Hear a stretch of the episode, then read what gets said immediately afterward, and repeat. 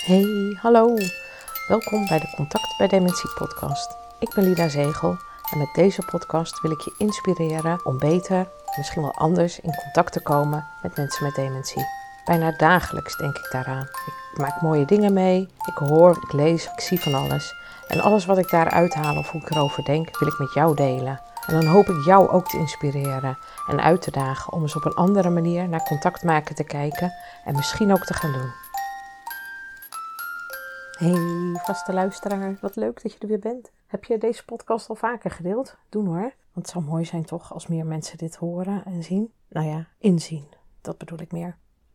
En als je hier voor de eerste keer bent, welkom. Wat leuk dat je me gevonden hebt. Deel gewoon. Deel vooral. En zeker als je denkt dat je er wat aan hebt. Ondertussen is dit al de 34ste aflevering. En ben ik al in mijn tweede jaar. Nou ja, dat wil zeggen, ik ben in juni begonnen. Maar ik dacht, laat ik de kalenderjaar maar aanhouden. Dan is dit het tweede jaar. En vandaag heb ik weer een onderwerp op het programma staan waarvan ik dacht, ja, daar kom ik zoveel verschillende dingen over tegen. En dat gaat over communicatie en misschien wel meer over miscommunicatie. Maar ik wil het heel graag positief houden. Dus laten we zeggen, het gaat over communicatie. Hoe ik op dit onderwerp kwam, dat komt omdat ik s'avonds nog wat zit te en langs allerlei talkshows kom. En soms denk ik, oh leuk, en soms denk ik, oh nee, helemaal geen zin in. En ik bleef hangen bij Bo, waar Gordon te gast was. En Gordon gaat nu met een aantal mensen met het syndroom van Down op vakantie. En die afleveringen worden nu uitgezonden. Down the Road heet dat, naar voorbeeld van wat er in eh, België al gemaakt wordt. In een van die afleveringen vraagt een van de deelnemers aan Gordon of zij goed kan zingen en of hij haar wil helpen. En vervolgens doet hij wat opwarmoefeningen waarbij je ook ja, je mond op een bepaalde manier moet houden om de klank zo goed mogelijk te krijgen. En hij constateert dat zij dat gewoon niet kan en dat dat ook vanwege haar syndroom is, waardoor ze ja, dat niet kan. En hij besluit dat ook eerlijk te zeggen. Dus het was een klein stukje wat ze bij Boli te zien. Er zaten nog wat meer gasten aan tafel en het was heel ontroerend, maar oprecht en eerlijk. Waarin hij zei van, ja weet je liever, dat komt gewoon omdat jij je mond niet anders kan doen. En daar kan je niks aan doen. Dat is dat syndroom van Down wat je hebt. Maar je hebt heel veel andere dingen waar je wel heel goed in bent. En op die manier gaf hij aan, op een hele eerlijke manier, van ja, eigenlijk kan jij gewoon niet zo heel erg mooi zingen. Je kan daar niet de wereldklasse mee halen zoals je denkt of hoopt misschien te behalen. En aan tafel werd daar ook op gereageerd. En dat vond ik wel heel erg mooi wat daar ontstond. Want er werd gezegd van het is wel heel eerlijk, waardoor je gelijkwaardig wordt. En dat is precies waar het om gaat. Dat je gelijkwaardig bent. Dat je niet denkt dat de ander minderwaardig is omdat jij hoger bent of meer bent of beter bent. Of, maar dat je dat op een gelijkwaardige manier met elkaar bespreekt. En dat is precies de kern waar het om, ook om draait bij contact met dementie. Je bent gelijkwaardig. Je was gelijkwaardig en je blijft gelijkwaardig en je bent dus ook gelijkwaardig. Er werd ook gezegd, en dat vond ik misschien wel de mooiste aanvulling op dat gelijkwaardigheid, waardoor je ook volwaardig wordt. En dat is dus echt waar het om gaat. Dat je je niet afgeserveerd voelt en niet meer tot nut, niet meer belangrijk, niet meer toe doen, maar dat je je volwaardig voelt. Dus door eerlijk te zijn waardoor je gelijkwaardig wordt en waardoor je de ander volwaardig meemaakt. Ook al heeft hij een beperking zoals het met het syndroom van Down, of een ziekte zoals een vorm van dementie, of niet aangeboren hersenletsel, of iets anders waardoor je brein soms hapert. Eerlijk, gelijkwaardig en daarmee volwaardig. En dat gaat dus over communicatie. Want op, het, op de manier waarop je communiceert, daarmee maak je de ander volwaardig. En in dezelfde week kreeg ik een, uh, een berichtje onder ogen van twee tekeningen die in een krant hebben gestaan van Katinka Polderman. Verbale, tussen haakjes om, vermogens. Dat stond daarboven. En daarbij was getekend wat ik wil vertellen. En dat was een perfecte afbeelding van een haan. Alleen van een haan op een witte achtergrond, verder niks. Maar zo'n afbeelding waarvan je, je ziet dat die getekend is. Maar het had ook een fotografische weergave kunnen zijn. Gewoon een perfecte afbeelding van een haan. En daaronder stond een andere afbeelding. En daarboven stond maar wat er uit mijn mond komt. En dat was een getekende haan met bloemen en een zon. En op de grond lag nog wat. Toen dacht ik, ja, dat heb ik ook. En dat heb ik ook omdat je altijd iets om een voorbeeld heen nog wil scheppen, wil maken. Die haan moest ergens ergens in staan. Dus er waren stipjes op de grond getekend. Ja, dat kunnen zaadjes zijn, dat kan een, een, een afbeelding voor de grond zijn. Er waren bloemetjes en er was een zon, maar dat leidt eigenlijk alleen maar af. Dus wat je wil vertellen is die perfecte afbeelding van die haan. En wat er uit de mond kwam, dat was een getekende haan, waarbij de kleuren nog niet helemaal klopt en de verhoudingen niet helemaal met elkaar klopten. Maar waar ook nog eens een keer randverschijnselen bij gebracht waren, zoals de bloemen en de grond en de zon. En dat is ook wat ik probeer te vertellen als ik over contact bij dementie spreek. Maak het kort en krachtig. En zorg dat je niet te veel andere dingen vertelt of vraagt of wil weten naar vraagt. Want dat maakt het alleen maar ingewikkelder. Als je wil weten of iemand iets wil drinken, vraag je of iemand iets wil drinken. En dan vraag je niet, wil je wat drinken en meteen allerlei andere drankmogelijkheden erachteraan. Wil je iets drinken? Ja, lekker. En dan pas kun je verder gaan. Maar op het moment dat je eerst van alles gaat roepen. En ik doe het ook echt wel eens fout hoor. Dat je denkt van, oh, ik ga vragen aan iemand van, heb je ook zin om wat te drinken? Zullen we dan eventjes eh, naar, naar de bar lopen? Of heb je zin in iets anders? We kunnen ook wel even de stad in. Of blijf je hier binnen in het verpleeghuis? Ja, dat zijn veel te veel vragen. Dat zijn die bloemen en die zon en die groenten die erbij getekend worden. Het gaat erom, wil je wat drinken? En vervolgens kun je gaan bedenken: oké, wat gaan we dan drinken? Waar gaan we dat doen? Hoe gaan we dat doen? Er zijn zoveel mogelijkheden dan nog. En ik denk ook wel eens dat. Ja, hoor soms ook wel dat mensen het moeilijk vinden om op bezoek te gaan. En dat ze niet goed weten waar het over moet gaan. Nou, over die perfecte haan alleen. En niet over al die randvoorwaarden en voorbeelden. En uh, over de bloemetjes of over de zon. Nee, gewoon waar je voor komt, zullen we samen wat drinken. En misschien is de beste communicatie geen communicatie. Gewoon naast iemand zitten en kijken wat een ander ziet. En daar vervolgens over aan de praat raken. En dan in de hoop dat dat ook aansluit. En sluit dat niet aan, ja, dan is er ook niks mis mee om dat weer los te laten. Over communicatie, ja. Als ik ochtends kom prikken in een verpleeghuis en ik vraag naar de kamer van een mevrouw ik moest bijvoorbeeld naar mevrouw, laat ik haar van het Woud noemen, het is een fictieve naam. Ik moest naar mevrouw van het Woud. Dus ik kom op de afdeling en ik zie vijf medewerkers in een ruimte met elkaar zitten op hun mobiel, op een computer. Koffie dronken ze niet meer, dus dat was op, denk ik, maar dat weet ik niet. Ik kwam binnen en ik zei: Goedemorgen allemaal. Ik kom voor mevrouw van het Woud. Waarop iemand zonder mij aan te kijken zijn arm omhoog hield, naar achteren gestrekt, hoog in de lucht, met een sleutel eraan. En toen keek ik en toen zei ik, uh, ja, ik zou het heel erg fijn vinden als je even met me meeloopt, want ik weet niet eens waar mevrouw van het Woud zou kunnen zijn. Nee, die ligt op de kamer. Ik heb geen idee waar haar kamer is.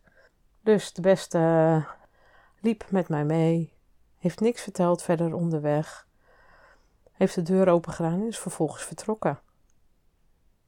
Ja, dan voel ik me toch wel niet gelijkwaardig in ieder geval. En zeker niet volwaardig. En het maakt me helemaal niet uit. Ik hoef niet meer te zijn en ook niet minder te zijn. Ik wil gewoon dat iemand zegt van, oh, nou wat fijn dat je komt. Zo even kijken of ze wakker is of niet. Er werd gewoon helemaal niks gedaan. Grappige bijkomstigheid. Zou ik toch nog even delen ook. Het was een mevrouw met dementie. En zij lag diep te slapen. En ik zet mijn spullen bij haar neer. En ik sta te kijken van, oké, ik, ik zie haar en denk, ja, hoe zou ik met haar gaan? Geen idee. En gelukkig had ik hele warme handen. Dus kon ik met mijn hand op haar handen, die ze op haar buik had liggen, ze lag op de rug, kon ik mijn hand leggen. En ze deed haar ogen heel langzaam open en zei ik: Goedemorgen, mevrouw van het Woud. Ik kom een beetje bloed bij u prikken. Zo, de mieter, zei ze toen. En ik moest er zo om lachen, want het is een bij de hand dame, dat was het tenminste altijd. En ik zei toen: Zolang u er geen op achter zegt, ga ik rustig mijn spulletjes pakken. En tot mijn verbazing begon ze daarom te gelachen ook. Ze begreep wat ik zei, want het was natuurlijk heel ver doorgedacht, sodemieter op, dan moet ik wegwezen. Maar ze zei alleen maar sodemieter. Ja, wat ze ermee bedoelde, misschien wel van, ja, wat kom je hier doen, uh, onderkruipsel? Uh, geen idee. geen idee wat ze ermee bedoelde. Maar door het op die manier luchtiger te maken, kon ik mijn spulletjes pakken en kon ik haar vervolgens ook prikken en kon ik bloed bij haar afnemen. Dat voorval van die sleutel over eigenlijk geen communicatie, is niet eens miscommunicatie. En vervolgens bij die mevrouw van het woud zijn en dan zo de mieter naar je hoofd te krijgen. Ja, is dat communicatie? Is het miscommunicatie? Misschien wel. Maar we hebben het wel op een hele goede manier met elkaar afgesloten, denk ik. Een ander voorbeeld wat ik kreeg was een WhatsApp-bericht, een gesproken WhatsApp-bericht, waarbij iemand zei: Wil jij morgen dit en dat doen? En toen zei ik van, nou ja, morgen, dat komt een beetje onhandig uit, want ik ben er niet en ik weet ook niet hoe dat dan gaat. En nee, kreeg ik daarna terug. Gekkie, wat ben je toch ook altijd naïef, maar ik moet er wel om lachen. Ik bedoel alleen, als jij daar toevallig bent, zou je dan... En toen dacht ik, ja, maar je hebt toch echt gezegd, wil jij? Communicatie en miscommunicatie. En wat doe je dan? Word ik dan boos? Nee, ik heb geen zin om daar boos over te worden. Maar ik denk, hey, ik heb het wel gezegd. Je vroeg echt, wil jij morgen? Nou, dat was dus niet zo bedoeld. En ik kreeg daarna een smiley. Dus het zal goed zijn. Weet ik niet. Want dat kun je ook allemaal verschillend interpreteren. Wat bedoel jij met een smiley? En wat bedoel ik met een smiley? Wat bedoel jij met. Dat is best lastig. Wat bedoel je met, met iets wat je laat zien? Want zo kun je met die tekening miscommunicatie goed laten zien. Maar met woorden is dat nog lastiger. En met gebaren kan dat ook heel erg lastig zijn. Dan spreekt iedereen wel dezelfde taal in gebaren. Je hebt de Nederlandse gebarentaal, daar zijn een aantal gebaren, maar je kunt ook nog zelf gebaren maken. En we kennen allemaal wel gebaren, hallo of dag, kunnen we allemaal wel een beetje. En of dat nou echt Nederlandse taal, eh, Nederlandse gebarentaal is of niet, dat maakt dan ook helemaal niet uit. Maar zo kun je overal missen over communiceren. Ik denk dus dat het ook goed is om te kijken: komt het ook aan wat ik heb gezegd? Begrijpt de ander wat ik bedoel? En is de boodschap die ik over wil dragen ook overgekomen? En als dat in het geval van die haan is, is die haan in beeld dat het over een haan gaat? Of zijn de bloemen en de zon en de grond alleen maar in beeld? Of dat ik hem slordig heb ingekleurd, is dat in beeld? Dus waar gaat het om en komt dat goed over? En gisteravond zag ik een film bij Comedy Central Cloudy with a Chance of Meatballs. Dus bewolkt met een kans van vallende gakballen. En het was een boeiende film waar het ook over communicatie ging. Het was een animatiefilm.